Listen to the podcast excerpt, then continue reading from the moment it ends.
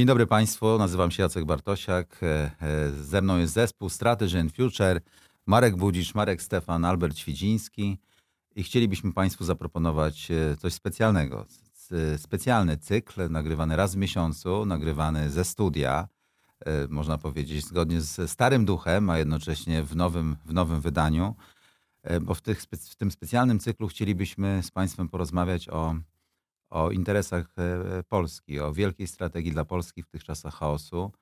E, o tym będzie ten cykl. Dzisiaj część pierwsza. Mam nadzieję, że będzie się to Państwu podobało, że będziecie z nami, e, że będziecie oglądać. Na to liczymy. Chcielibyśmy takim sposobem debatowania i w ten sposób prezentowanym rozpocząć no, poważną rozmowę, również w sferze publicznej na temat interesów Polski czasach interregnum, jak to nazywamy w Strategy and Future, międzykrólewia, czasach chaosu, które dotykają już nasze państwo e, i spróbujemy się zderzyć z tą rzeczywistością i, i, i postarać się, żebyście Państwo byli na bieżąco.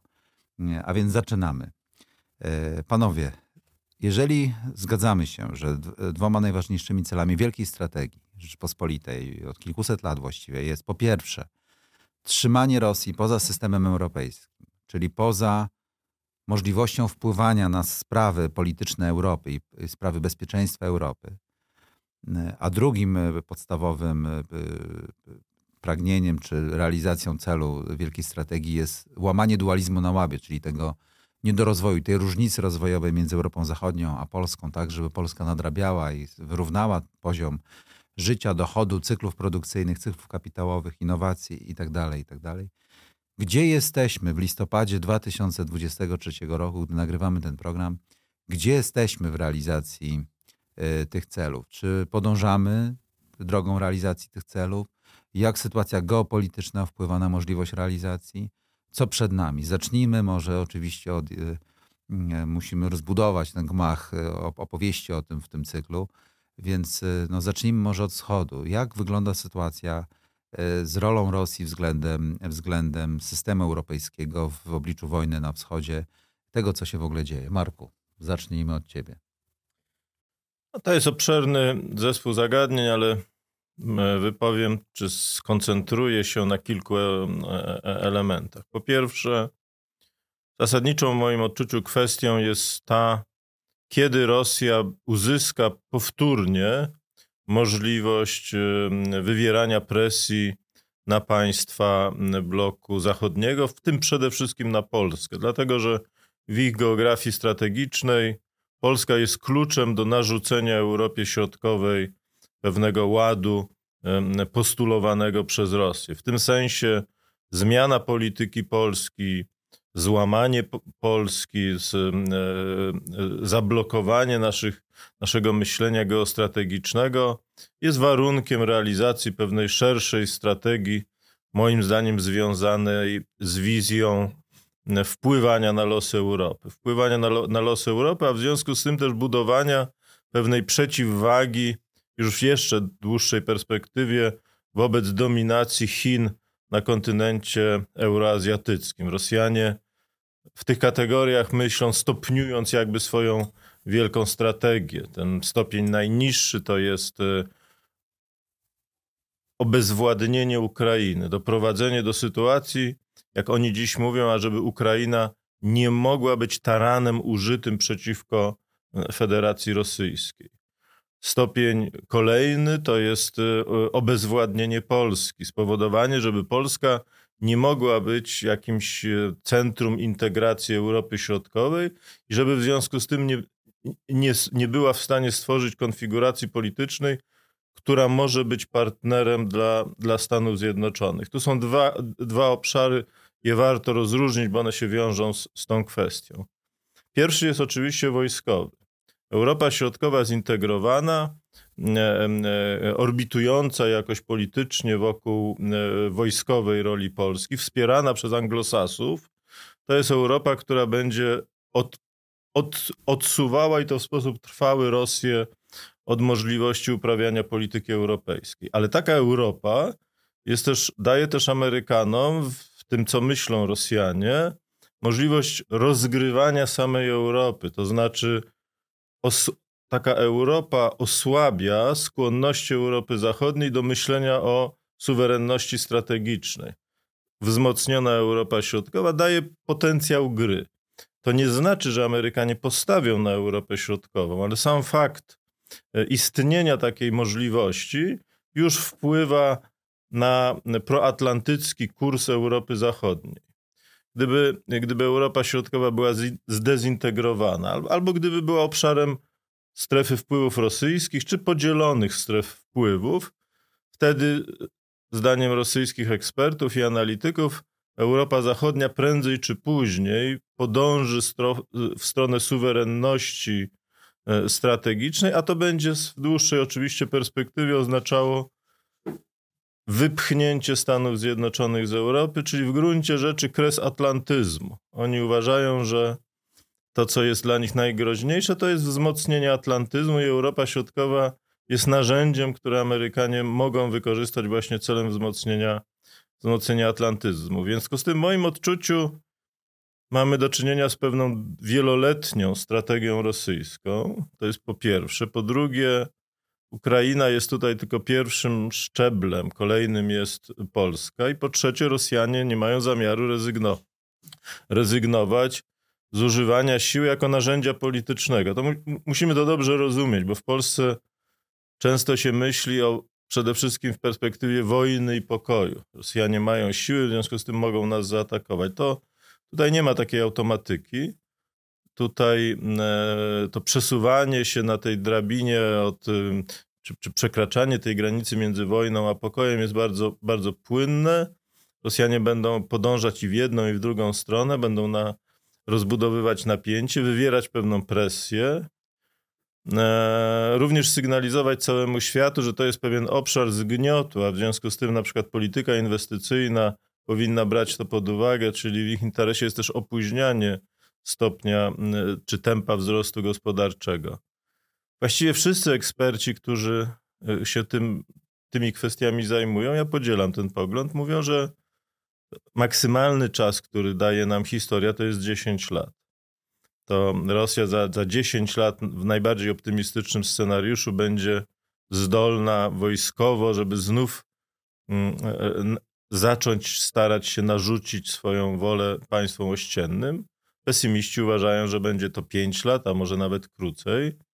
No a to oznacza, że jeśli mówimy o skutecznej polityce odstraszania Rosji, to tak jak niedawno napisali analitycy niemieckiego DGAP, my musimy być co najmniej rok wcześniej gotowi niż, niż Rosja, czyli mamy w związku z tym od 4 do 9 lat, a im później zaczniemy się przygotowywać, im później wzmocnimy się wojskowo i, i ekonomicznie, no tym prawdopodobieństwo mm, jakiegoś scenariusza mm, eskalacyjnego będzie, będzie większe, bo tu będzie też czynnik pewnej asynchroniczności przygotowań. Rosja, zdaniem właściwie większości ekspertów, w momencie zakończenia wojny na Ukrainie albo w momencie zamrożenia wojny na Ukrainie zacznie odbudowywać swój potencjał wojskowy.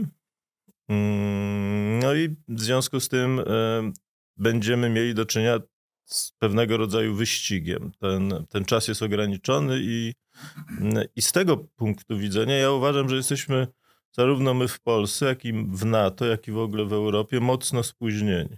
Nasze reakcje są opieszałe, powolne i spóźnione, a w związku z tym uprawiamy ryzykowną grę, dlatego że ten potencjał odstraszania jest mniejszy, czy będzie mniejszy niż, niż być powinien, żeby skutecznie Rosję odstraszyć. Dojdziemy w kolejnych e, częściach naszego cyklu, może nawet dzisiaj zdążymy porozmawiać już o tych wszystkich szczegółowych też zaleceniach w kontekście reformy Wojska Polskiego, o tym też porozmawiamy, drodzy Państwo, w kontekście tego, jak rozgrywać kartę natowską, jak rozgrywać kartę unijną. E, natomiast postarajmy się e, posta dzisiaj zacząć od tego, żeby zarysować ogólne zręby. I z tego, co mówisz, to wygląda na to, że jeden i drugi cel się wzajemnie uzupełniają. To znaczy, że bez utrzymania Rosji poza systemem europejskim trudno będzie rozgrywać kartę łamania dualizmu na łabie de facto, bo przyszłość Europy Zachodniej rozstrzyga się też w kontekście tego, jak bardzo i czy w ogóle Rosjanie będą dopuszczeni do, do systemu europejskiego. I tutaj zwracam się do Marka Stefana Jak powiedz mi, e, czy ty uważasz, że w ogóle porozmawiajmy o tym, co myśli Europa Zachodnia, o tym, co przed chwilą powiedzieliśmy sobie z Markiem właściwie. Czy po pierwsze, czy w Europie Zachodniej panuje podobny pogląd na temat roli Rosji, e, jak u nas? Jaka jest różnica w postrzeganiu między Europą Środkową i Wschodnią a Europą Zachodnią? Jaki jest pomysł na pójście do przodu? No i przede wszystkim, czy e, idziemy ścieżką łamania dualizmu na łabie? Zarysujmy to na samym początku, tę kwestię. No zasadnicza różnica między mm, poglądem, jeżeli w ogóle możemy mówić o jakimś jednym poglądzie państw Europy Środkowo-Wschodniej, bo też tutaj są różnice, tak, które się też zresztą ujawniły w kontekście rosyjskiej inwazji na Ukrainę. Zbieżne poglądy mniej więcej reprezentuje Polska, państwa bałtyckie czy, czy Rumunia, y, biorąc pod uwagę państwa południa tej, tej, e, Europy, tej części Europy, no, to wygląda jednak troszeczkę, e, troszeczkę inaczej. To jednak te państwa, e, o których przed chwilą wspomniałem, chcą utrzymać Rosję trwale poza systemem europejskiej równowagi i co istotne, myślą o Rosji nie tylko w kontekście tego konkretnego reżimu, który teraz tam funkcjonuje, tak? czyli, reżim, czyli reżimu putinowskiego, tylko Rosji w ogóle. Tak? I to jest wydaje mi się tutaj ta zasadnicza, zasadnicza y, różnica między podejściem Europy Środkowo-Wschodniej a Europą Zachodnią. Znaczy w Europie Zachodniej, y, w momencie kiedy czyta się też to, co piszą tamtejsi dziennikarze, publicyści czy eksperci, ale także co mówią politycy, jednak Rosja jest tym ważnym elementem europejskiej, e, europejskiej architektury bezpieczeństwa, czy w ogóle tego pejzażu e, politycznego, nieusuwalnym.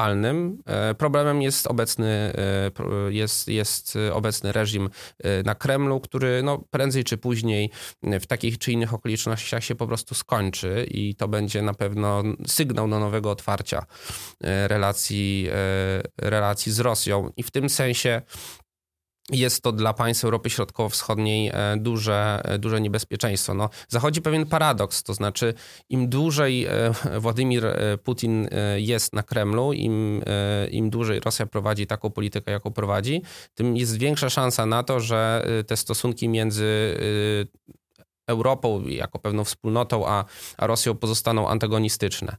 E, w momencie, kiedy ten reżim by się zmienił, e, tak jak na przykład chcieliby tego tak zwani biali Rosjanie, którzy, e, tak jak, tak jak ich nazywamy, tak, czyli wszyscy polityczni decydenci, którzy desydenci, którzy funkcjonują w, w, państwach Europy Zachodniej, no to oni właśnie mówią o takiej Rosji innej, tak? To znaczy miała być to Rosja bardziej europejska. I to by niebezpieczeństwo dla Polski. I to jest, i tak, bo, bo, to, bo to oznacza, że w tym momencie te wszystkie wizje właśnie tworzenia Europy bardziej kontynentalnej, takiej, która współpracuje z Rosją, takiej, która daje Rosji technologię, kapitał, po prostu może się e, zmaterializować. Na z historii wiemy, że e, tak czy inaczej zawsze odbywało się to kosztem e, podmiotowości, tak? Europy e, Środkowo-Wschodniej. Więc taka jest zasadnicza e, różnica. To, co też sprawia, że szeroko pojęty Zachód nie ma planu wobec Rosji, e, to to, że nie ma uzgodnionego poglądu albo nawet zbieżnego jaka ta Rosja w ogóle miałaby być po tej wojnie, tak? To znaczy obawy przed rozpadem Rosji są e, po prostu powszechne, tak? I one są bardzo silne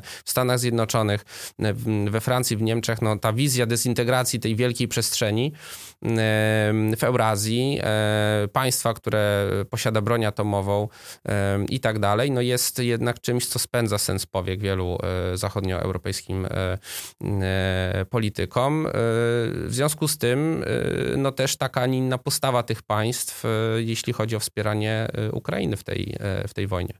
Czy można postawić tezę, i w sumie zwracam się do Alberta, ale może wszyscy spróbujmy później to odpowiedzieć na pytanie, że z tych dwóch wypowiedzi wyłania się, no i w ogóle z całej pracy, którą wykonaliśmy Strategy and Future przez te lata, wyłania się taki obraz, że pewien, pewne napięcie, próby budowy podmiotowości tutaj naszego regionu wytwarza pewną nieusuwalną sprzeczność. Dlatego, że zarówno w tak zwanych mapach mentalnych Europy Zachodniej, ale też w Stanach Zjednoczonych, w części środowisk Stanów Zjednoczonych, mm, pewne, pewne historyczne ujęcie w dobie nowoczesnej powoduje, że bardzo wielu naszych partnerów, jak to się mówi na Zachodzie, w NATO i w Unii Europejskiej, nie wyobraża sobie, po pierwsze, że może istnieć jakaś Europa bez Rosji, jakaś po drugie Europa bez wpływu Rosji stabilizującego czy destabilizującego, w związku z tym się liczą.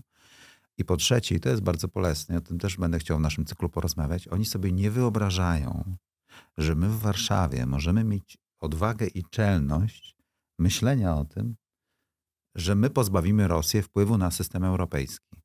Zapraszając jeszcze Amerykanów do, do, do tej gry.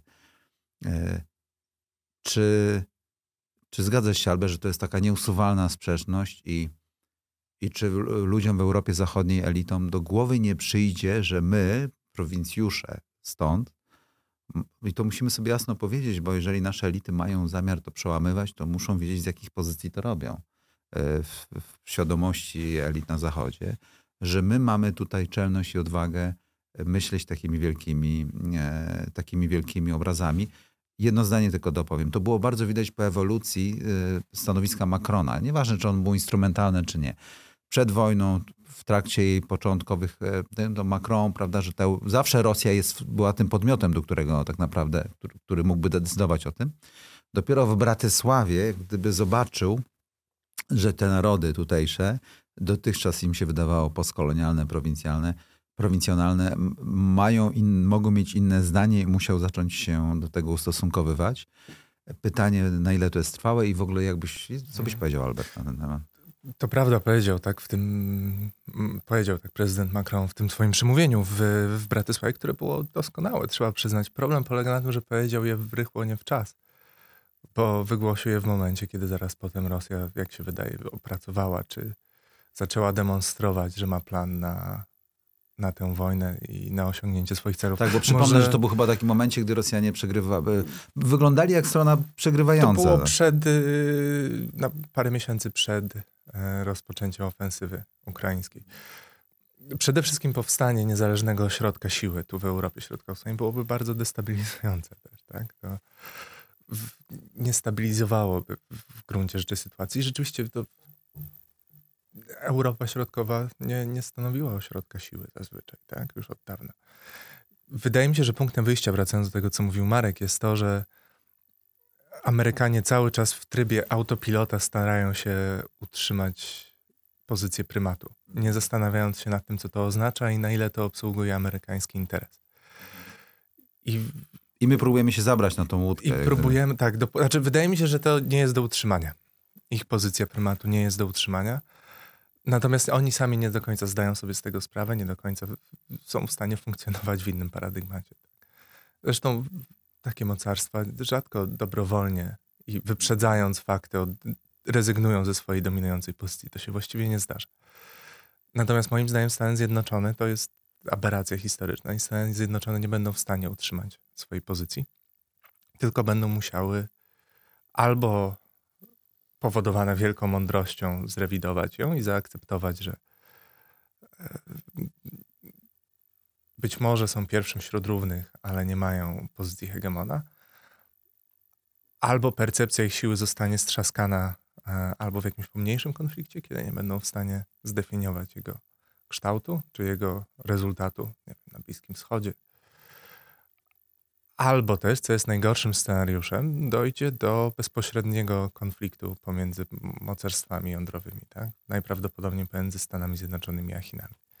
No i wtedy nie mam pojęcia, co się wydarzy, jak będzie wyglądała rzeczywistość. Natomiast tak czy inaczej, myślę, że do, też do tego w gruncie rzeczy pił Marek jest to, jeśli pozwolę sobie zgadnąć, że Amerykanie będą przychodzili na pozycję offshore balancingu, tak? Czyli w gruncie rzeczy tej pozycji, którą realizowały wcześniej, interweniowanie. To często w praktyce to przyjmowało jeszcze, precyzując typologię, przyjmowało formę balancer of last resolve, czyli balansera, który interweniuje w ostatnim momencie, uniemożliwiając powstanie czy, czy dominację przez jednego aktora danej przestrzeni, danego regionu.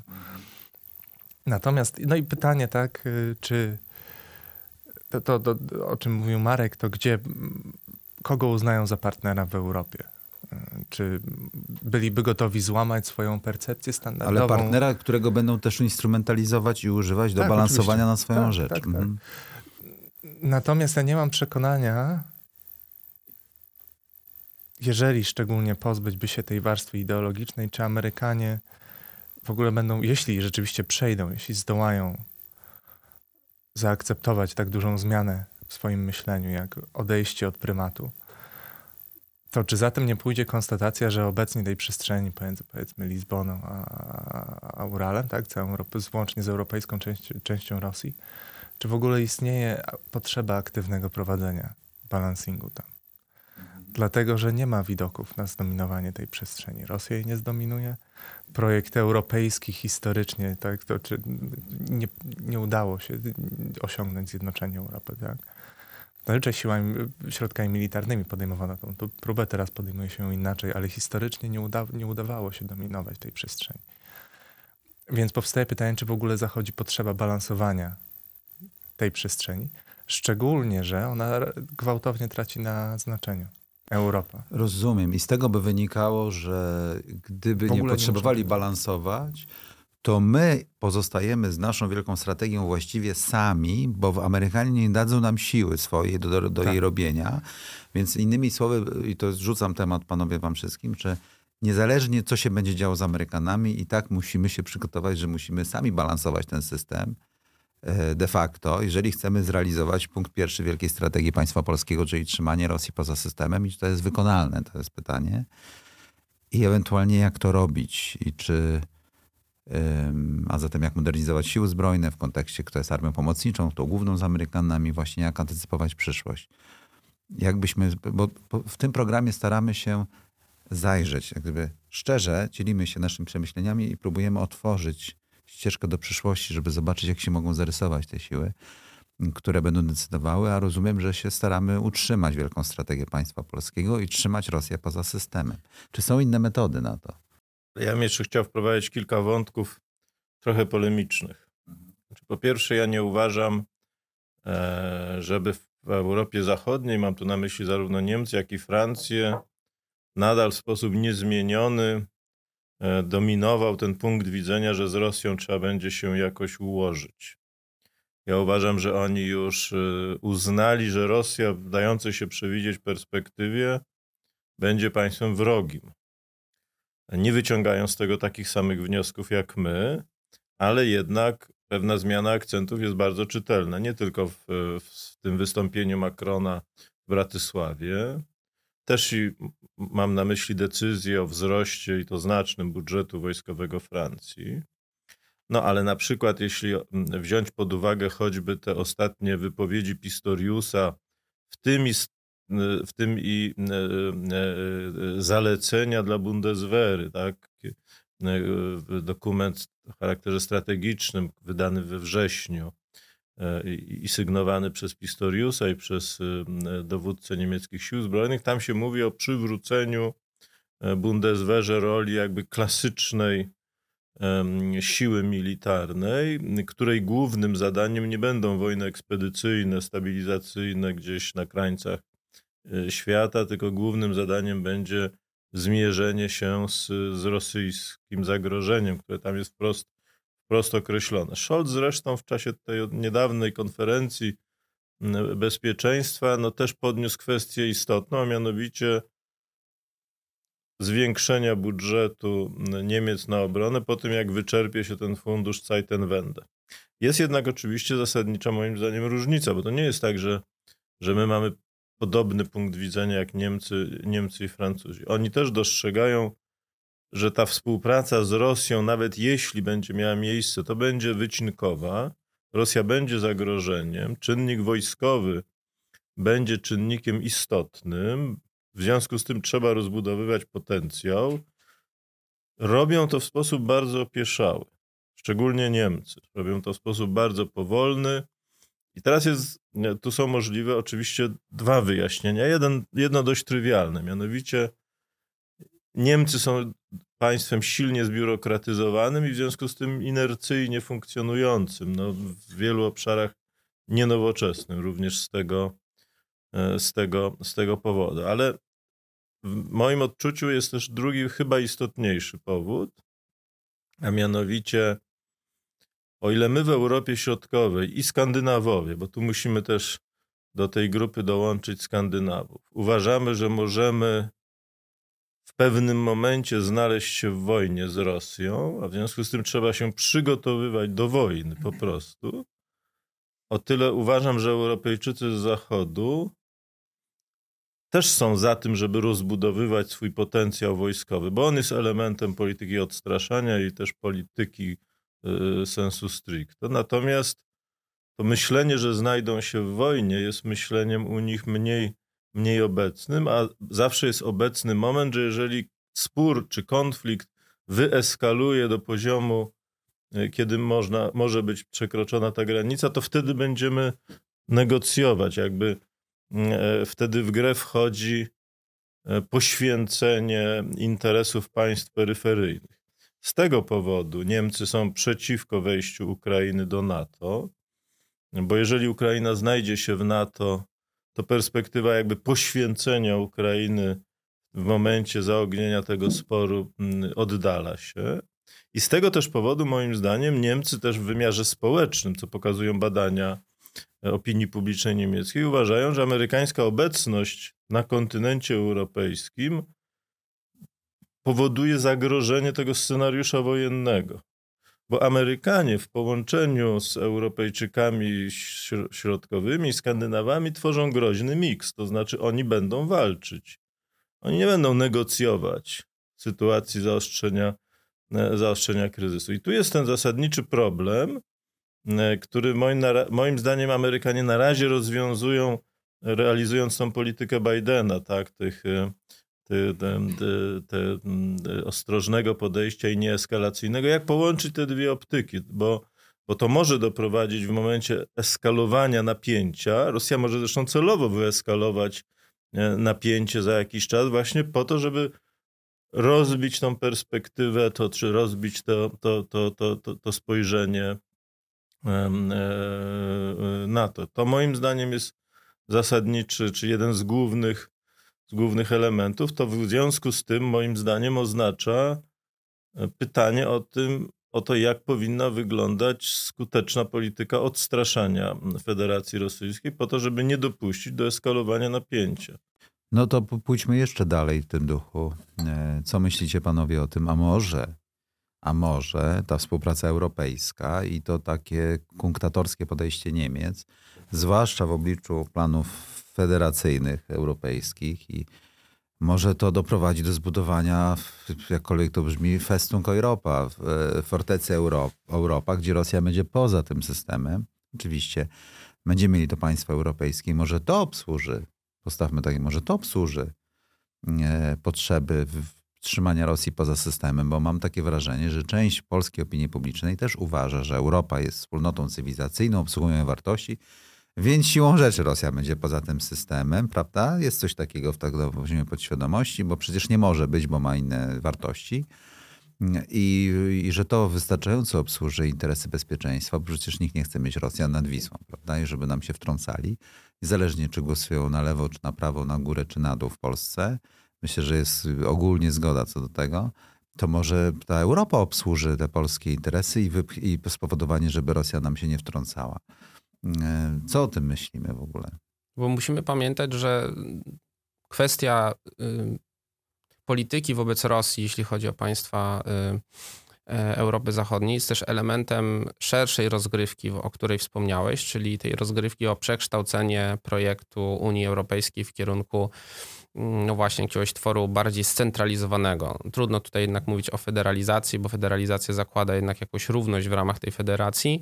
Natomiast w tej chwili to, co próbuje e, przede wszystkim e, forsować Berlin, mm, no ale również Paryż, bo tutaj jest sporo punktów zbieżnych. Oczywiście nie ma całkowitej zbieżności, ale jest sporo punktów zbieżnych. To jest jednak projekt e, centralistyczny, tak? Tu odwołuje się do tych propozycji 12 ekspertów, którzy sporządzili taki raport e, na zlecenie ministrów do spraw europejskich e, Francji i Niemiec. E, obecnie również w Parlamencie Europejskim Komisja Konstytucyjna AFKO przegłosowała taki projekt również, który idzie w bardzo podobnym duchu, jeśli chodzi o, o zmiany traktatów. Mm, I to jest w tej chwili kwestia, która jest w centrum uwagi państw europejskich. Dlaczego? No z kilku powodów. E, dlatego, że Europa, y, stolice zachodniej Europy y, już wiedzą, tak, y, widzą kierunki zmian na arenie międzynarodowej i dostrzegły, że Europa po prostu dramatycznie słabnie. E, wobec Stanów Zjednoczonych, wobec Chin, wobec, wobec Rosji również. W związku z tym jest teraz ostatni moment, żeby być może dokonać jakichś radykalnych zmian, które równocześnie będą też petryfikować ich e, pozycję w tym układzie, tak, jako tych e, rozgrywających i dominujących graczy, ale równocześnie przekształci, czy być może będzie dawać szansę na przekształcenie Unii Europejskiej w, w coś, co, co byłoby bardziej mm, zintegrowane i przede wszystkim zdolne do, do podejmowania jakichś tam aktywnych i szybkich decyzji, które w obecnych okolicznościach geopolitycznych są kluczowe. E, w związku z tym też polityka wobec Rosji jest, jest tutaj elementem tego, e, tego, tego procesu. To, co jest z naszej perspektywy istotne, to to, że my właściwie ostatnie lata przespaliśmy. To znaczy. My jako Polska. My jako Polska, tak? To znaczy, my nie wyszliśmy z naszą propozycją wizji e, przyszłości Europy. E, mówiliśmy wiele o Europie ojczyzn, ale za tym frazesem nie stała de facto żadna wizja konkretna poza jakimś takim pustym obstrukcjonizmem. E, mało tego, e, określając siebie jako lidera regionu, nie potrafiliśmy też e, w regionie przy użyciu takich instrumentów chociażby jak Trójmorze, które przecież jest stworzone przez państwa Unii Europejskiej, wypracować w ramach, tego, w ramach tej grupy na przykład permanentnie pracujących grup roboczych, które analizują takie i takie polityki unijne są dla nas istotne, i my wypracowujemy w regionie jakąś wspólną wizję. Tak? To nie zostało zrobione. I w tej chwili w tym procesie po prostu wiodą prym inni. Są konkretne po, e, pomysły formułowane w Paryżu czy, e, czy w Berlinie, no ale nie ma żadnych kontrpropozycji.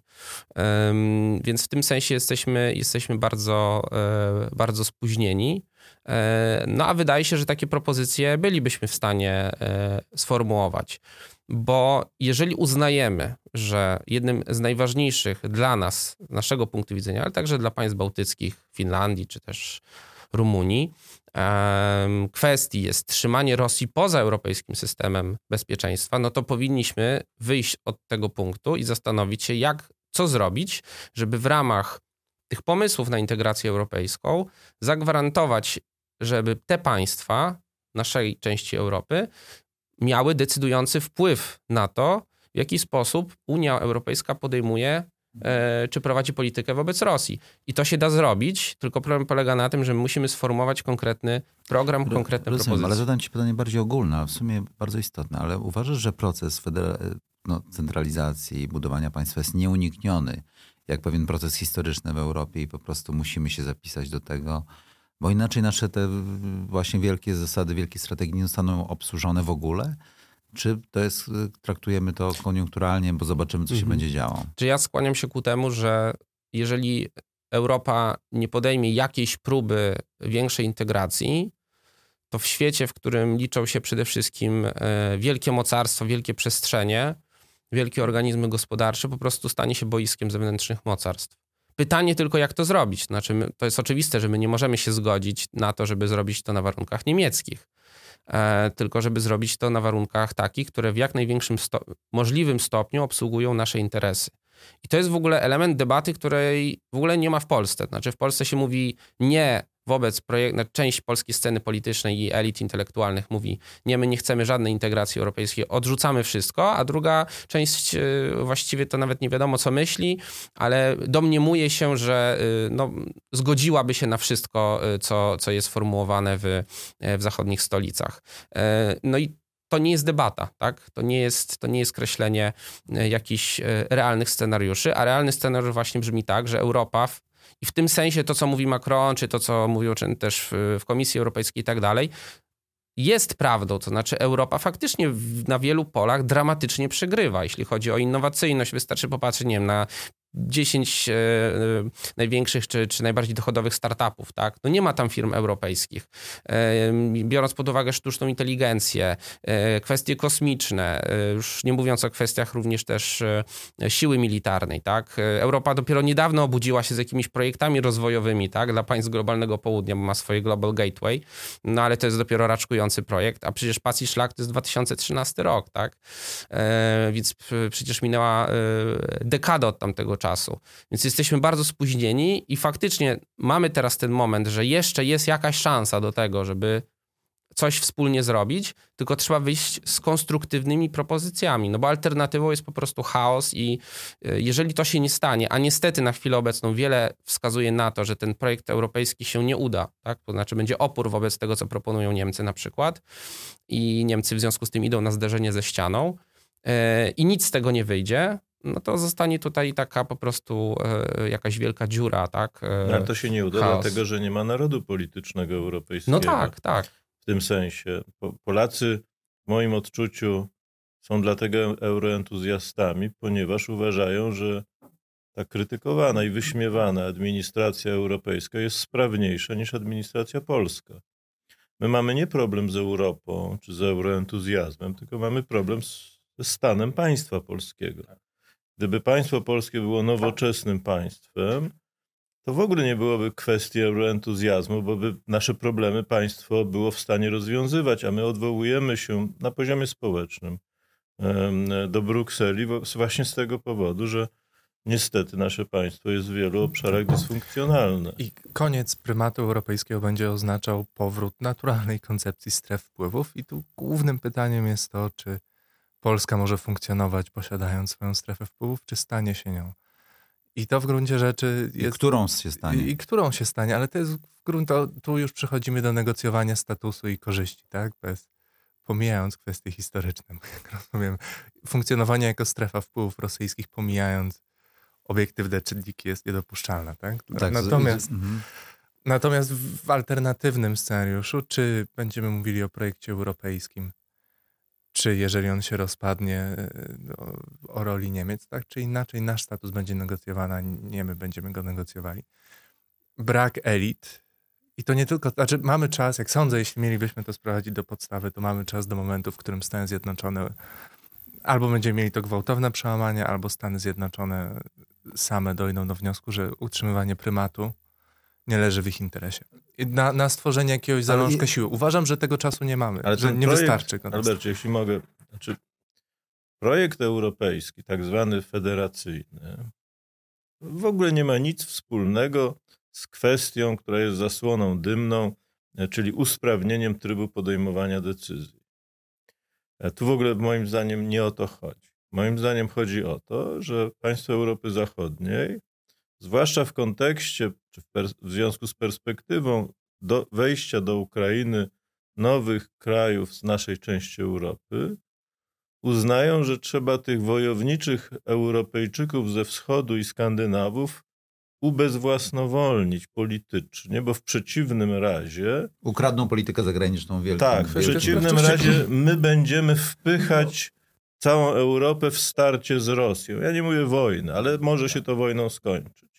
I Amerykanie w tym rozumieniu będą e, e, potencjalnymi sojusznikami twardej polityki wobec, e, wobec Rosji. Natomiast jeżeli zostaniemy ubezwłasnowolnieni politycznie, Unia Europejska będzie, będzie organizmem scentralizowanym, w tym sensie, jak mówi von der Leyen, jest to ten geopolityczny moment Europy, no to Unia Europejska będzie partnerem Mm, w ramach polityki balansowania Stanów Zjednoczonych. Bo tu jest pytanie, kto będzie partnerem amerykańskim, bo Amerykanie od polityki balansowania, równowagi sił nie... Tylko kto Jeśli, będzie podmiotem, tak, z którym będzie balans, który będzie balansowany. Jeżeli tak, będzie tak. potrzebowała, co, kogo, bo balansowanie jest potrzebne wtedy, kiedy balans jest zaburzony. Kiedy balans nie jest zaburzony, nie ma potrzeby balansowania, więc Stany Zjednoczone nie muszą z automatu Oczywiście, utrzymywać ale, tu obecności, jeżeli system chyba, że będzie... Się, że teza zasadnicza jest inna, mianowicie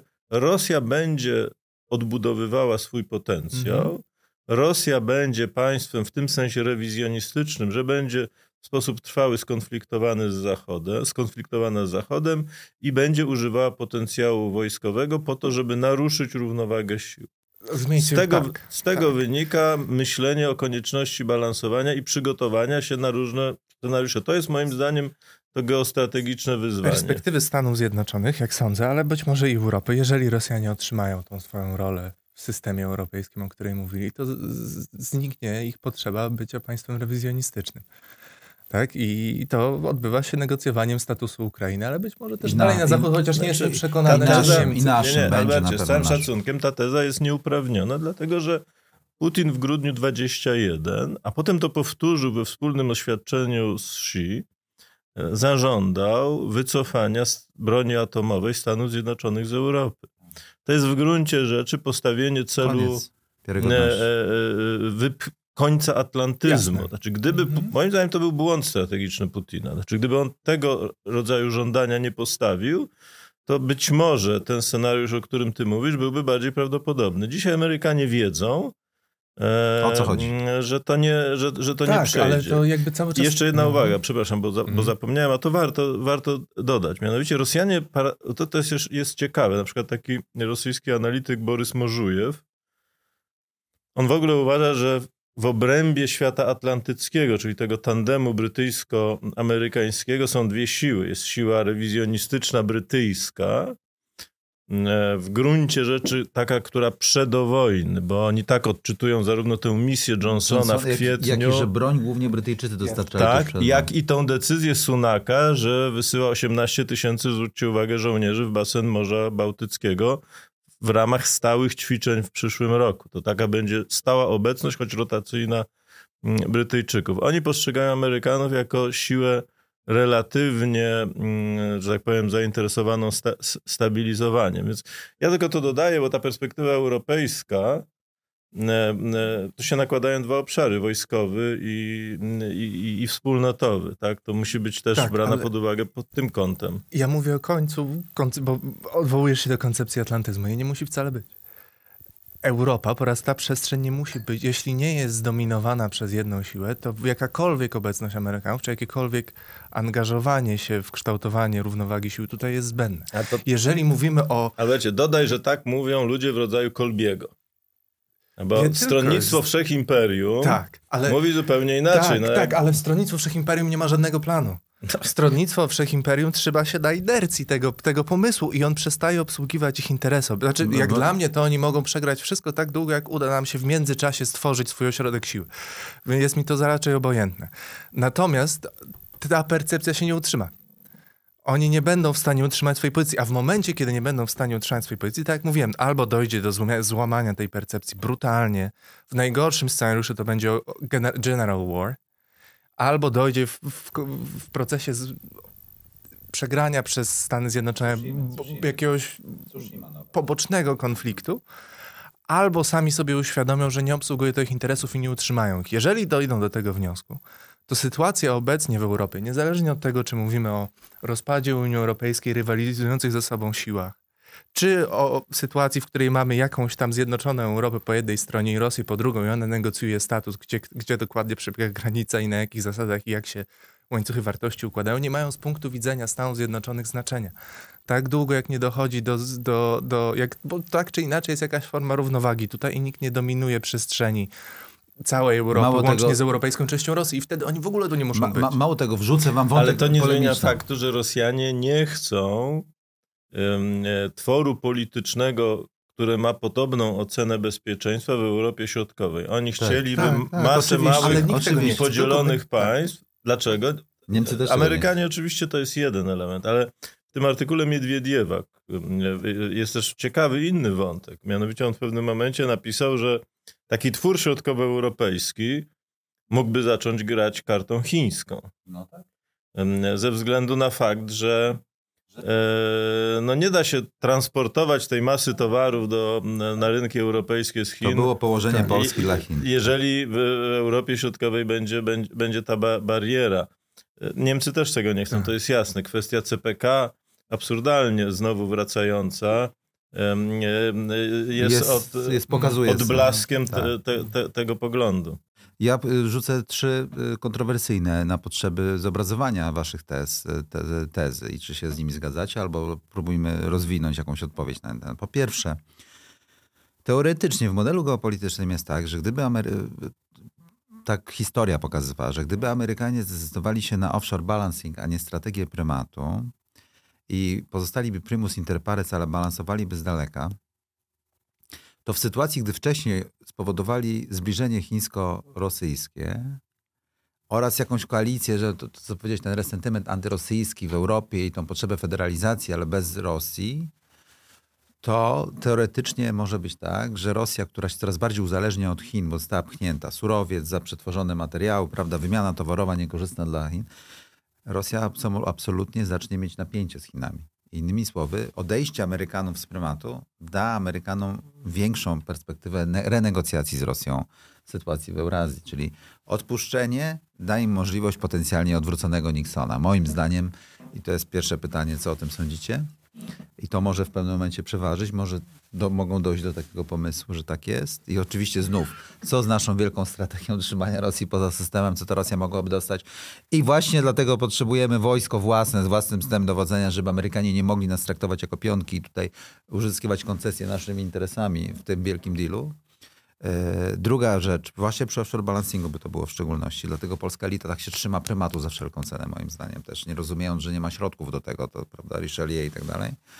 A druga, drugie pytanie, czy istnieje możliwość w ogóle zbudowania federa, federalnej Europy, jakkolwiek ją nazwiemy, naprawdę, bez spotkania w stylu Kongresu Wiedeńskiego, nazwijmy to spotkaniem w Akwizgranie, nawiązując do Karola Wielkiego, jego koronacji. Niech to będzie 6 miesięcy. Wszyscy członkowie Unii Europejskiej się spotykają i ustalają konstytucję o najważniejszych rzeczach. Kim jest Rosja dla Europy? Kim, czym jest Afryka Północna dla Europy? Czym jest Morze Śródziemne? Czy łącznikiem? Czym są Stany Zjednoczone? Czy mamy solidarność długu? Yy, jakie są procesy decyzyjne? Czy na przykład czy na przykład jest możliwe, że dzielimy się z zakresami odpowiedzialności, że Francuzi odpowiadają za Medyteren i flota francuska tam jest, a niemiecka, duńska i północnych krajów za Morze Północne, La Manche i tak dalej. Że wojska lądowe wystawiają tylko Polacy i Niemcy. I jest, rotac jest rotacyjna obecność w tym nowym państwie, w dowodzenie.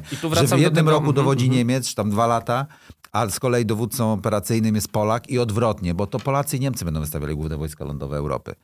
I czy to jest w ogóle możliwe do dogadania takim akwizgranie, czy Francja i Niemcy będą dominacyjnie przeć na swoje rozwiązania? Jacek, ale to jak masz spółkę i ktoś wnosi więcej, a ktoś inny wnosi mniej. Ten kto inny, kto wnosi mniej, musi być podporządkowany i albo tak nie do końca albo tak nie masz dealu. Nie no. do końca tak jest. Nie do końca nie tak jest, jest bo czasami jesteś bardzo potrzebny i chodzi o to, że już nie... Czy pytanie, czy Niemcy i Francuzi zrozumieli, że nie będą mieli tej swojej Europy bez dogadania się z Polską i krajami regionu? Tragedia, tragedia polega management, na tym... Przepraszam, management w spółkach najczęściej ma mniejszościowy pakiet e, akcji, ale jest nie mniej istotny niż, niż e, większościowy akcjonariusz, bo sam kapitał nie jest w stanie dać wartości dodanej sam z siebie. To prawda. Może dać wartość dodaną na lokacie, czy w jakiejś po zainwestowaniu w papiery wartościowe, tu jest jeszcze, ale nie w aktywnym tu, przedsięwzięciu. Kochani, tu jest jeszcze, włącza się geopolityka i tu jest rozstrzygająca, bo jednak jest geografia i ktoś gdzieś jest lokowany w jakimś miejscu i to daje albo odbiera bezpieczeństwo, daje albo odbiera łańcuchy wartości, nawet jeżeli jest y, biedny i słaby. No niestety tak to działa.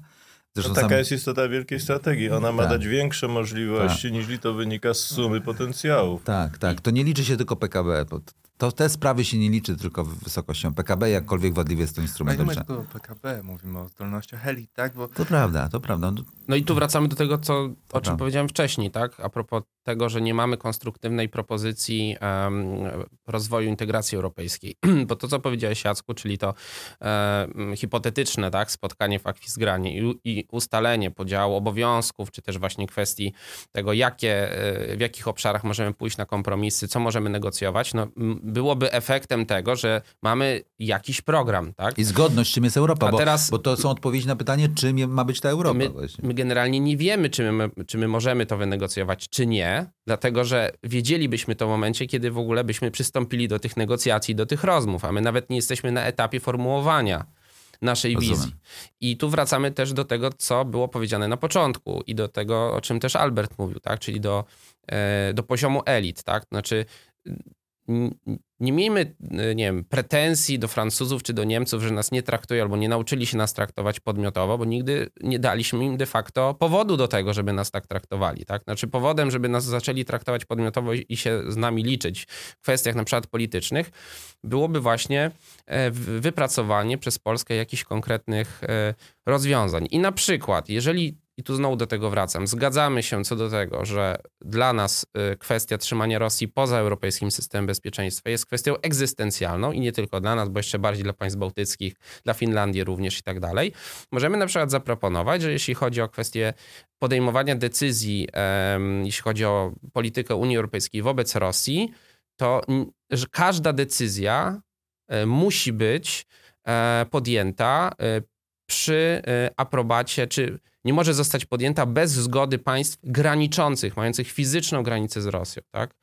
E, Ale nie o to chodzi w tym dealu niemiecko, znaczy nie po to no, nie robią. To, to Właśnie cały problem polega na to, co żeby, Marek powiedział, że... Żeby nie dać żeby przypadkiem... Oczywiście, tylko że my... Ale stworzyć takie wrażenie. Ale I dlatego, czym jest, dlatego pytanie, od którego zacząłem dzisiaj spotkanie, czym jest Rosja dla systemu europejskiego jako wielka strategia, jest tak naprawdę kluczem do naszego miejsca w Europie i do tego, tych negocjacji w europejskich. Ale panowie, no, Marek ma rację, znaczy, żebyśmy byli traktowani podmiotowo, musimy pokazać, że jesteśmy podmiotem, choćby w relacjach regionalnych. No, zwróćcie uwagę, jak wygląda państwo polskie. No, nawet dzisiaj, nie szukając daleko. Mamy zaogniający się kryzys na granicy mm, z Ukrainą, blokowane są przejścia graniczne. Nikt nie jest zainteresowany. Rząd y, być może coś robi, a mało kto o tym wie. Zresztą też nie ma motywacji, bo jest rządem odchodzącym. Opozycja jest przekonana, że już za dwa tygodnie będzie rządzić e, w Polsce, no to ja bym oczekiwał jednak e, choćby jakiejś propozycji, jak ten spór, konflikt rozwiązać. Nie prowadzimy polityki o wymiarze strategicznym wobec państwa, z którym graniczymy i które prowadzi wojnę i dla którego jesteśmy głównym hubem zaopatrzeniowym. Nie prowadzimy. To, to, cała nasza polityka od wybuchu wojny na Ukrainie jest jakimś doraźnym, emocjonalnym e, miksem. Plus wykonawstwem amerykańskim. Tak. I Ukraińcy o tym wiedzą, moim zdaniem. Podobna sytuacja, jeśli chodzi o nasze relacje z państwami e, bałtyckimi, które mają realne problemy z rozbudową e, sił natowskich stacjonujących tam w komponencie rotacyjnym do poziomu no brygady, tak. co jest i tak znacznie poniżej mniejsze potrzeby. niż poniżej potrzeby. Eee, no to ja zakładam, że stać nas na wysłanie jednego chociaż batalionu e, do państw bałtyckich, a, a, a tu się nic a tu się nic w tym, e, w tym obszarze nie dzieje. Cały nasz pro, program rozbudowy sił zbrojnych, przykro to powiedzieć, ale ma wymiar bardziej propagandowy niż realny. Tu się powinniśmy sporo od Litwinów nauczyć. Litwini podjęli działania, które mają im dać w efekcie w roku 2030 dywizję. I to była współpraca rządu z, w ogóle z opozycją? Rządu z opozycją mają już trzecie porozumienie w, w, tym, e, w, w tym obszarze.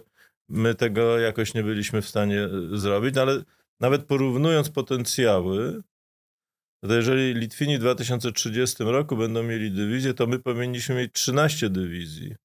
A my jesteśmy dumni, że mamy trzy papierowe, nowo budowane związki taktyczne i, i trzy stare o, o, obniżonym, o obniżonym poziomie ukompletowania. I już z tego powodu, już z tego powodu, że ogłosiliśmy takie plany, oczekujemy, że inni gracze będą nas traktować podmiotowo. To jest dziecinada. Najpierw trzeba dowieść te plany i zrealizować. No w ogóle one od razu wyglądają na nierealne, więc... No właśnie. Horyzont czasowy... I, I, to jest niestety ten tak. dramat, ale, ale to jest dramat państwa polskiego. Tak, a co oznacza, że horyzont czasowy, przed którym stoimy, to jest nie, do, do, tego, do momentu, kiedy Amerykanie uświadamią sobie, że prymat nie obsłuży interesów, to jest kilka lat pewnie. W kilka lat nie zbudujemy ośrodka siły, tak? To rzeczywiście dużo zmienia fakt, że Skandynawowie istnieją, ale nie wystarczająco dużo. W związku z tym próba negocjowania naszego statusu jako nie strefy wpływów, tylko ośrodka, który posiada swoją strefę wpływów, jest skazana na niepowodzenie najprawdopodobniej i jednocześnie pcha nas w ogromne ryzyko, bo wtedy stajemy się podmiotem w grze, czy aktorem w grze, w której są Tokenem. poważniejsze siły niż tak, my. Tak. No i tu jest niestety... Co to, znaczy, to... że powinniśmy już teraz, przepraszam, że ci jeszcze wszedłem słowo, tak zupełnie brutalnie podchodząc do tego, zacząć akceptować nasz status jako y, nie do końca podmiotu i zastanowić się, niestety, ten, ten rzeczywiście unikalny moment historyczny, ale on nie zostanie przez nas wykorzystany. Czy mieliśmy wielką szansę. Tak, ale nie, znaczy, mielibyśmy, gdybyśmy najpóźniej w 2008 roku zaczęli, w, tak, w momencie przełamania, tak, wtedy, kiedy wszyscy zaczęli sobie uświadamiać, że No nawet tak jak Litwini w 2015. Litwini wydawali przed aneksją Krymu Tak. 0,7% swojego PKB na obronę. Tylko już wtedy... Byli jeszcze bardziej rozbrojeni niż my. Ja nie Już w twierdzę, że teraz są bezpieczni. musielibyśmy mieć rozwiązanie podstawowego problemu, od którego wszystko się zaczyna, to znaczy jakiegoś systemu selekcji elit, tak? którego nie mamy do dzisiaj. W związku z czym próba negocjowania naszego statusu agresywnie w tej rzeczywistości, która nadchodzi, skończy się najprawdopodobniej dość bolesną katastrofą. I w, ty, i w, Jest postrzegana jako śmieszna Tak, po i prostu. jest postrzegana jako niestety. śmieszna i destabilizująca, prawdziwie i de- destabilizująca. I, Tak. testowania. I tutaj mam wrzu- Co dwie, znaczy? rzeczy, dwie rzeczy chcę powiedzieć. Myślę, że ci pod, podaję, podam piłkę lob do strzelania główką w okienko. Po, już, już chciałem zadać wam takie pytanie, no dobrze, to y, czy pa, ale aż teraz trudno zadać to pytanie, ale zadam na potrzeby, żeby widzowie widzieli, jak państwo podmiotowe powinno rozważać takie koncepcje, bo y, no, w normalnym układzie rzeczy w obecnej sytuacji rozważalibyśmy po pierwsze, co, czy, czy, y, co robić z zapotrzebowaniem opozycji białoruskiej stworzenia prawda, wojska białoruskiego na obczyźnie nie- niepodległość, niepodległościowego i używać dla polskiej polityki wschodniej. Tak? Państwo polskie miałoby wspaniały instrument realizowania w buforze, a nie na terytorium Polski, w buforze polityki bezpieczeństwa. To raz. Dwa. Jeżeli dokona się jakaś pieredyszka, na co wskazuje, prawda, że będzie coś się zacznie dziać na Ukrainie ostatecznie, że gdzieś to zostanie rozejm, gdzieś coś i Rosjanie będą mieli tą swoją przerwę, to przecież będzie milion żołnierzy ukraińskich, którzy nie wszyscy wrócą do gospodarki. Będzie jakiś trudny moment dla Ukrainy. I czy czas nie pomyśleć o kozaczyźnie rejestrowej, jakiś sposób zagospodarowania tej, tej, tej przestrzeni, w ogóle rozmowy z Ukrainą na pewne tematy, tak? W, w tym zakresie, ale to absolutnie przekracza horyzont. Już widzę, jakie będą komentarze po naszym filmie na ten temat, ale specjalnie chcę to powiedzieć, bo, bo gdybyśmy od 2008 roku przygotowywali się na takie starcie, to byśmy również mie- mieli szuflady trzy na ten temat. I trzecia rzecz, czyli nasi lisowczycy, w kontekście tego, Marku, co mówisz, no skoro nawet już nie chcemy wysyłać albo nie możemy wysłać batalionu, chociaż w Armii Nowego Wzoru proponowaliśmy wysłanie na Litwę wojska, przypomnę, po to, żeby by tworzyć oskrzydlenie rosyjskie i na obwód kaliningradzki, na północną Białoruś, Mie- Miedniki Królewskie i Mariampol, to e, no, czy Estończycy niechętnie by przyjęli Lisowczyków? Ale my nie wysyłamy tego batalionu, bo go nie mamy po prostu. No to jest ten dramat. Nasze siły operacyjne, nawet operatorzy wojsk specjalnych pil, pilnują płotu na granicy. I, ale bo chciałem odpowiedzieć Albertowi, wrzucić mu takiego loba, piłkę chyba na nagranie niestety brutalną, ale może to obudzi w Polsce. Bo zwróćcie uwagę, jeżeli Polska będzie prowadziła taką politykę, która będzie niepoparta realną reformą wojskową na poważnie i realną polityką, wysuniętą polityką bezpieczeństwa na wschodzie, a jednocześnie będzie za wszelką cenę blokowała uni- unifikację unijną, wierząc w to, że prymat amerykański, że dwa bombowce B-52 przelecą i dadzą nam poczucie bezpieczeństwa, to wówczas, nawet nie w otwartej kinetycznej wojnie, ale prosi się o asymetryczną kwestię taką ala Hamas, gdzie absolutnie zostanie obnażone, że państwo polskie nic nie jest w stanie zabezpieczyć na wschodzie. Nic. Tak? I że nawet nie jest w stanie zarządzić w ogóle własnym bezpieczeństwem. Tak? Absolutnie bezpieczeństwem nie jest w stanie. I wtedy Rosjanie tym bardziej będą mieli łatwość rozmawiania z Europejczykami na Zachodzie, no bo to polska polityka de facto, powiedzą, destabilizuje tą sytuację i powoduje, że grupy zbrojne latają po Polsce, która nawet nie pilnuje swojej przestrzeni, podobnie jak w XVIII wieku. Nie jest w stanie, nie jest w stanie upilnować swojej przestrzeni nawet. Jest ten chaos jakichś grup opozycyjnych na Białorusi, kozaczyzny ukraińskiej, chaosu pie, popie- pieredyszkowego, e, Bałtów, którzy Rosjanie przedstawią się, rzucają cały czas, się zbroją nie wiadomo po co i nie pilnują tych swoich wojsk nawet. I, i w związku z tym polskie pogranicze płonie, a Polska nie jest w stanie zapewnić bezpieczeństwa. I te państwa Europy Środkowo-Wschodniej są absolutnie niepoważne. Do niczego się nie nadają i porozmawiajmy między poważnymi graczami. Tak. Tu jeszcze musimy powiedzieć o jednej rzeczy, być może bardzo oczywistej e, dla nas, ale być może nie jest to rzecz oczywista e, w debacie publicznej. Tutaj nawiązuję do tego, co powiedział Albert, tak? To znaczy, jeżeli w pewnym momencie dojdzie do tego, że Amerykanie na przykład zorientują się, że już strategia prymatu jest nie do utrzymania, przechodzimy w kierunku e, już zupełnie offshore balancingu, czyli funkcjonowania w świecie wielobiegunowym, to elementem e, jakby konsekwencją tego typu e, przejścia do takiej strategii będzie rezygnacja z tej całej ideologicznej nadbudowy tak, ładu liberalnego, którą dzisiaj Amerykanie się posługują. Mm, u nas i myślę, że jest takie dosyć e, silnie zakorzenione myślenie, że właśnie ta kwestia tej ideologicznej nadbudowy, tak, czyli ładu opartego o zasadach, jak to teraz mówią Amerykanie, no to jest kwestia, która jednak sprawia, że jak przychodzi co do czego, no to jednak te narody się mobilizują, tak, państwa się mobilizują wokół tych zasad, które ten, e, które ten ład dotychczasowy legitymizowały, tak. No właśnie ta zasada legitymizująca ten ład ona odejdzie wraz z, z, z, jakby z odejściem od, od, od, strategii, od strategii prymatu. A to sprawia, że te wszystkie właśnie kwestie, o których my dzisiaj rozmawiamy, które wydają się no, zupełnie egzotyczne, tak? że tu ktoś będzie czymś negocjował siłą, że Europejczycy z Zachodu nagle będą się na to, e, na to godzić i tak dalej, co nam w ogóle przypomina taki świat z XIX wieku. To wszystko. Każdego wieku.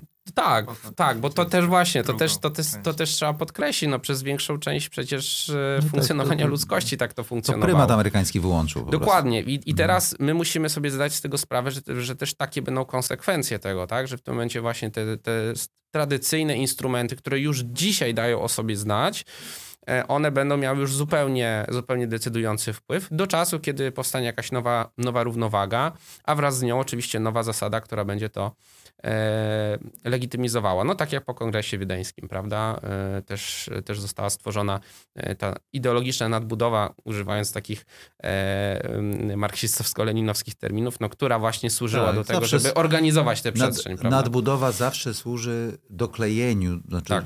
jeszcze mocniejszemu sklejeniu, wzmocnieniu równowagi materialno-wojskowej, tak. tak. która... Ale, ale ona z niej wynika. Ale, ale, ona z niej wynika, ona dokładnie. Z niej tak, wynika, tak. obsług, ona to Metternich... Ale te wszystkie przecież kongresy, o których mówimy, czy to kongres wiedeński, czy te późniejsze, mniejsze kongresy w Akwizgranie, e, w Leibach, czy, czy, czy, czyli w Lublanie, czy nawet późniejszy kongres berliński kończący wojnę bałkańską, nie mówię już o wersalskim. Tam jest główny jeden czynnik siły i potencjału, znaczy, a właściwie dwa.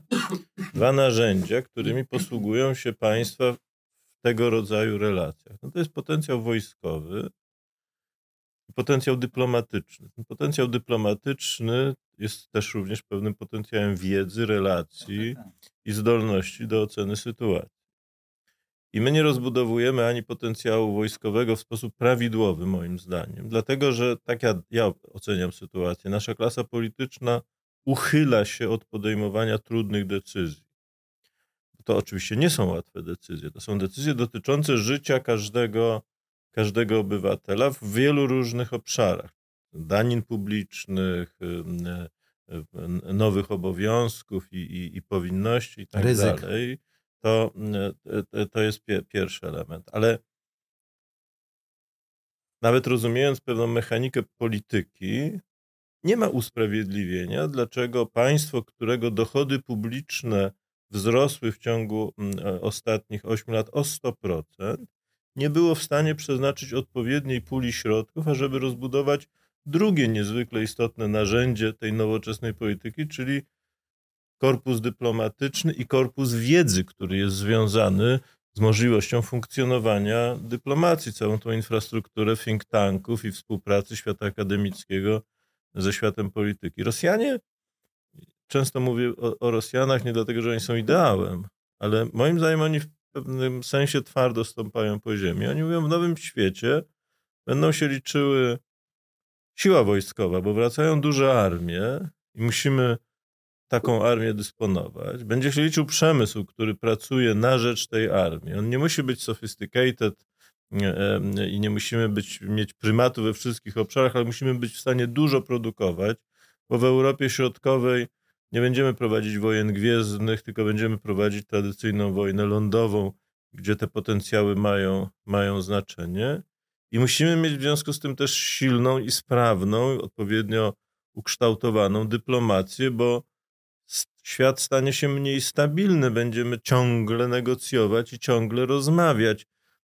Z całym szacunkiem, Jacku, a, a kogo my wyślemy na ten półroczny kongres gdzieś tam w jakimś mieście, w, w, jakimś mieście europejskim? Aachen. No więc właśnie, tu oczywiście ja, wiesz, no i tak ja bardzo często krytykowałem nasz system publiczny i napisałem o tym książkę. W związku z tym starałem się tu ograniczyć w tej rozmowie swoje wypowiedzi w tym zakresie. To prawda jest. Kluczem jest to, jest niska jakość państwa polskiego jako takiego do tego, żeby przenawigować przez te trudne czasy.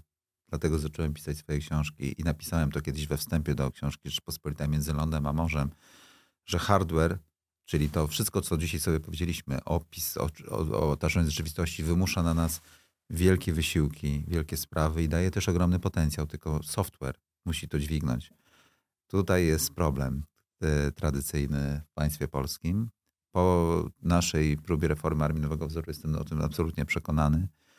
E, jest to rzeczywiście smutne i jest pytanie, czy w ogóle nie za późno. I nasza rozmowa jest trochę już rozmową historyczną, w tym sensie, że opowiadamy o przyszłości, mówimy, co ona może przynieść, presujemy pewne rzeczy, ale już jak gdyby, czy my nie wiemy już, że przespaliśmy okienko geopolityczne i czy nie, nie ma w nas pewnej już y, zgorzknienia, czy gorzkości takiej, e, pomimo naszego przywiązania do ojczyzny i do chęci tego, żeby coś się e, ruszyło. Włożyliśmy to wszyscy w czterech i też cała zespół ogromny wysiłek. Znaczy, wiesz, wszystkie nasze koncepcje od początku istnienia Strategy and Future zawsze były obarczone problemem niewiarygodności, który wynika z braku zdolności elit, tak? Bo nawet teraz uważam, że będzie nam bardzo trudno, znaczy wiesz, różne rzeczy, różne zawirowania mają miejsce. Bardzo trudno byłoby nam, nawet przy dobrych elitach, zaczynając teraz, ukształtować sytuację tak, żebyśmy mogli stać się niezależnym ośrodkiem siły tutaj. Być może niewielki procent, żeby to się udało, bez wchodzenia w skrajne ryzyka.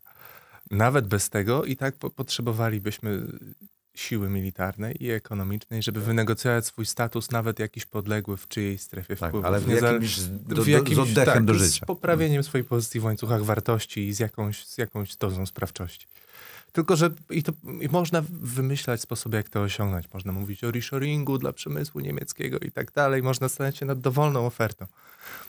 Co już się I, dzieje, to, tak? Wszystko dzieje się w sposób spontaniczny. Nie, nie, nie, luźno związany tak. z celową polityką Natomiast państwa. musielibyśmy mieć jakiś statecznik, jakieś środki. Bez tego jesteśmy liściem na wietrze, bez elit i tym będziemy. I to jest, i, ale tak. to z kolei oznacza, że przygotowania w gruncie rzeczy na jakąś destabilizację mogą być podejmowane tylko w ramach indywidualnych przygotowań do, Przysło... Tak. Przy czym oczywiście, bo nasi krytycy, obejrzawszy, obejrzawszy ten film, mogą powiedzieć, że statystyki wskazują na co innego. Mamy największy po Chinach wzrost gospodarczy od 30 lat, prawda? I tak dalej. Przy czym akurat poza tym, że uzyskaliśmy dywidendę bezpieczeństwa, bo wstąpiliśmy do NATO. Znaczy, to jest wynikiem dywidendy tak. bezpieczeństwa, bo wstąpiliśmy do NATO, dywidendy gospodarczej, bo przystąpiliśmy do Unii Europejskiej, która ustabilizowała pewne rzeczy i tak naprawdę wyeksportowała pewne regulacje do nas gdzie ludzie poczuli, że to nasze quasi państwo wcześniejsze jest zastąpione czymś fajniejszym, w związku z tym warto żyć, funkcjonować, robić pieniądze. Dało nam to pewną stabilizację. I problem polega na tym, drodzy Państwo, którzy myślicie, że my tak po prostu czczo... Chodzi o to, że nie wymagano wielkich elit, żeby to zrobić. To znaczy e, samo położenie państwa polskiego plus przedsiębiorczość jego obywateli oraz oczywiście tego, że politycy zdecydowali się wstąpić do NATO i do Unii Europejskiej, dały ten potencjał państwu polskiemu, e, które ma znakomite położenie geopolityczne dla robienia pieniędzy i dla funkcjonowania. No tak, tylko te czasy się skończyły. Te właśnie te czasy się skończyły i chodzi o to, że nie da się jechać na autopilocie dalej. Takim właśnie. Nie da się, absolutnie czasy będą zupełnie inne. Wiesz, jak mówiłeś o lisowczykach, czy o tych narzędziach wpływu, tak? Czy o jakiejś formie wpływu militarnego na Białoruś. To gdybyś chciał budować instrumentarium wpływania na rzeczywistość tam, to musiałbyś też mieć tam ulokowane nasze łańcuchy wartości, tak, tak, tak. które wpływają tak. na rzeczywistość ekonomiczną, co przekłada się na I, rzeczywistość polityczną. I, tak, na, I dostęp do Łukaszenki przez to na przykład, bo jego syn zarabia tak, mnóstwo ale pieniędzy. też na, na wiesz, państwach bałtyckich, gdyś miał trzy polskie firmy, które nie są poddostawcą niskiego rzędu dla firm niemieckich, tylko tworzą jakąś swoją własną tak, tak. wartość, to wpływałoby się realnie na rzeczywistość polityczną, Mm. tak? Bo ludzie musieliby się liczyć z zatrudnieniem i Tak, tak dalej. tak, I tak. wtedy to w połączeniu z kolejnym elementem instrumentarium, czyli z jakąś tam zdolnością dyplomatyczną, I wojskową. dałoby nam realną zdolność kształtowania No, tak, rzeczywistości tak, tak. tam politycznej, ekonomicznej Tak, i tak, tak. dalej. Ale tego nie mamy. I, włas, i, nie własne wojsko z zdolnościami, które Eee. możemy relokować bardzo szybko, na przykład do państw bałtyckich, dać im poczucie bezpieczeństwa przez jakiś czas, dopóki tam NATO się nie ruszy, prawda? To jest właśnie polityka tego rodzaju. Już nie mówiąc o tym, że w dobie wojny na Ukrainie, to jest załumujące, Marek to podnosił y, kiedyś, mówiąc o potrzebie sojuszu z, z Ukrainą, zwróćcie uwagę, że nie tylko temat umarł, ale nie, chodzi nawet, żeby coś podpisywać, albo że dostatecznie tego doprowadzić, ale ile, ile powinno być studiów decyzyjnych, takich materiałów, jak studium decyzyjne, plusy, minusy, analiza SWOT, przez państwo robione, tak? Przez, y, y, w różnych scenariuszach właśnie prymat amerykański odchodzi, no bo jak, zwłaszcza jak zostaniemy sami tutaj, bo Amerykanie zrobią offshore balancing, to powinno nam zależeć, żeby Ukraina była taka, siaka i owaka. Powinniśmy tworzyć już instrumentalnymi plany pod to. Modernizacja Wojska Polskiego powinna być też skorelowana z, z naszym wyobrażeniem tego rodzaju. No panowie, tylko że klasa polityczna nie bierze się dlatego, że ktoś ją nam tu oktrojował, jak kiedyś e, Bywało konstytucję monarchowie wprowadzali, tylko żyjemy w demokracji. E, Tę klasę polityczną wybierają wyborcy i problem w moim odczuciu e, jest tylko częściowo problemem jakości klasy politycznej. To jest zresztą problem wszystkich państw e, e, Zachodu. O tym się dość otwarcie dyskutuje. Pisze się książki o, o, e, o tym, jak przywództwo wpływa na bieg historii, jakość tego przywództwa. No nie wiem, Kissinger ostatnio o tym pisał, Lawrence Friedman, no jest dużo tych publikacji. W moim odczuciu problem polega na tym, że znakomita część Polaków odmawia, odmawia, to jest, element, to jest mechanizm wyparcia, mm, odmawia przyjęcia do wiadomości faktu, że żyjemy w nowej epoce i oczekuje przywrócenia starego świata, który już, y, który już odszedł. E, Urojone imaginaria, o których i pisałem. to jest pewien zasadniczy problem, dlatego że to będzie powodowało niezwykle bolesne zderzenie. Być może trochę takie zderzenie, jak się e, czyta książki, książkę Szczepańskiego poświęcone kampanii wrześniowej, kiedy on, y, wojnie, wojnie obronnej, kiedy on, e, mm, to zapomniany już dzisiaj pisarz, ale z czasów mojej młodości, e, znany bardzo, e, kiedy, kiedy wielu Polaków przeżyło ten szok, uważając, że Polska jest e, liczącym się rozgrywającym w Europie Środkowej, silnym wojskowo e, państwem, a rozpadła się jak domek z kart, e, dlatego że szereg decyzji było źle podjętych i żyliśmy w świecie ułudy. Ja mam wrażenie, że my żyjemy w takim świecie ułudy właśnie, właśnie teraz.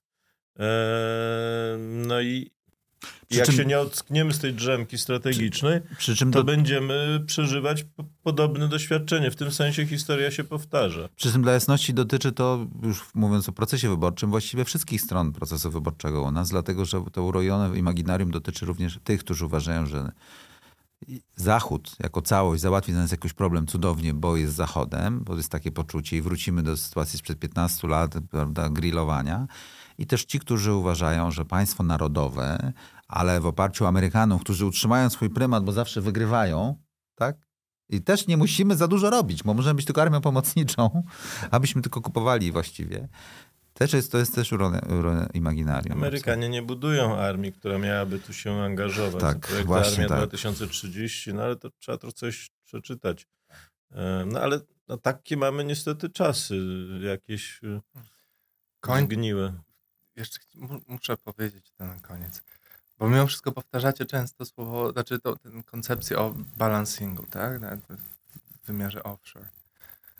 A politykę offshore balancingu stosuje się tylko, kiedy się coś balansuje. Kiedy nie ma czego balansować, bo nie ma potrzeby, to jest po prostu niebyt, ich nie ma. Tak? Bo to jest, mimo wszystko wydaje mi się, że gdzieś tam jest jednak, że oni, tu, oni tam gdzieś są. Może nie są bezpośrednio obecni, ale coś zbalansują. Ich może po prostu nie być, tak? może nie istnieć potrzeba ich obecności jakiejkolwiek tutaj, dopóki nie zarysuje się ryzyko, że ktoś zdominuje tę przestrzeń. Tak to ich nie ma. A jak nie ma, jak nie ma takiego ryzyka, to nie ma offshore balancingu, tylko jest jest nic. Dobrze. Panowie, bardzo dziękuję. K- Nasze spotkanie numer jeden w nowym cyklu e, pod tytułem Wielka Strategia Państwa Polskiego w czasach chaosu, chyba tak to zatytułujemy. Bardzo dziękuję. Albert Świeciński, Marek Stefan, Marek Budzisz, Jacek Bartosiak, zespół Strategy and Future i gorąco zachęcam, żebyście pozostali z nami e, no, we wszystkich naszych programach, a w szczególności w naszym nowym cyklu. Dziękuję pięknie.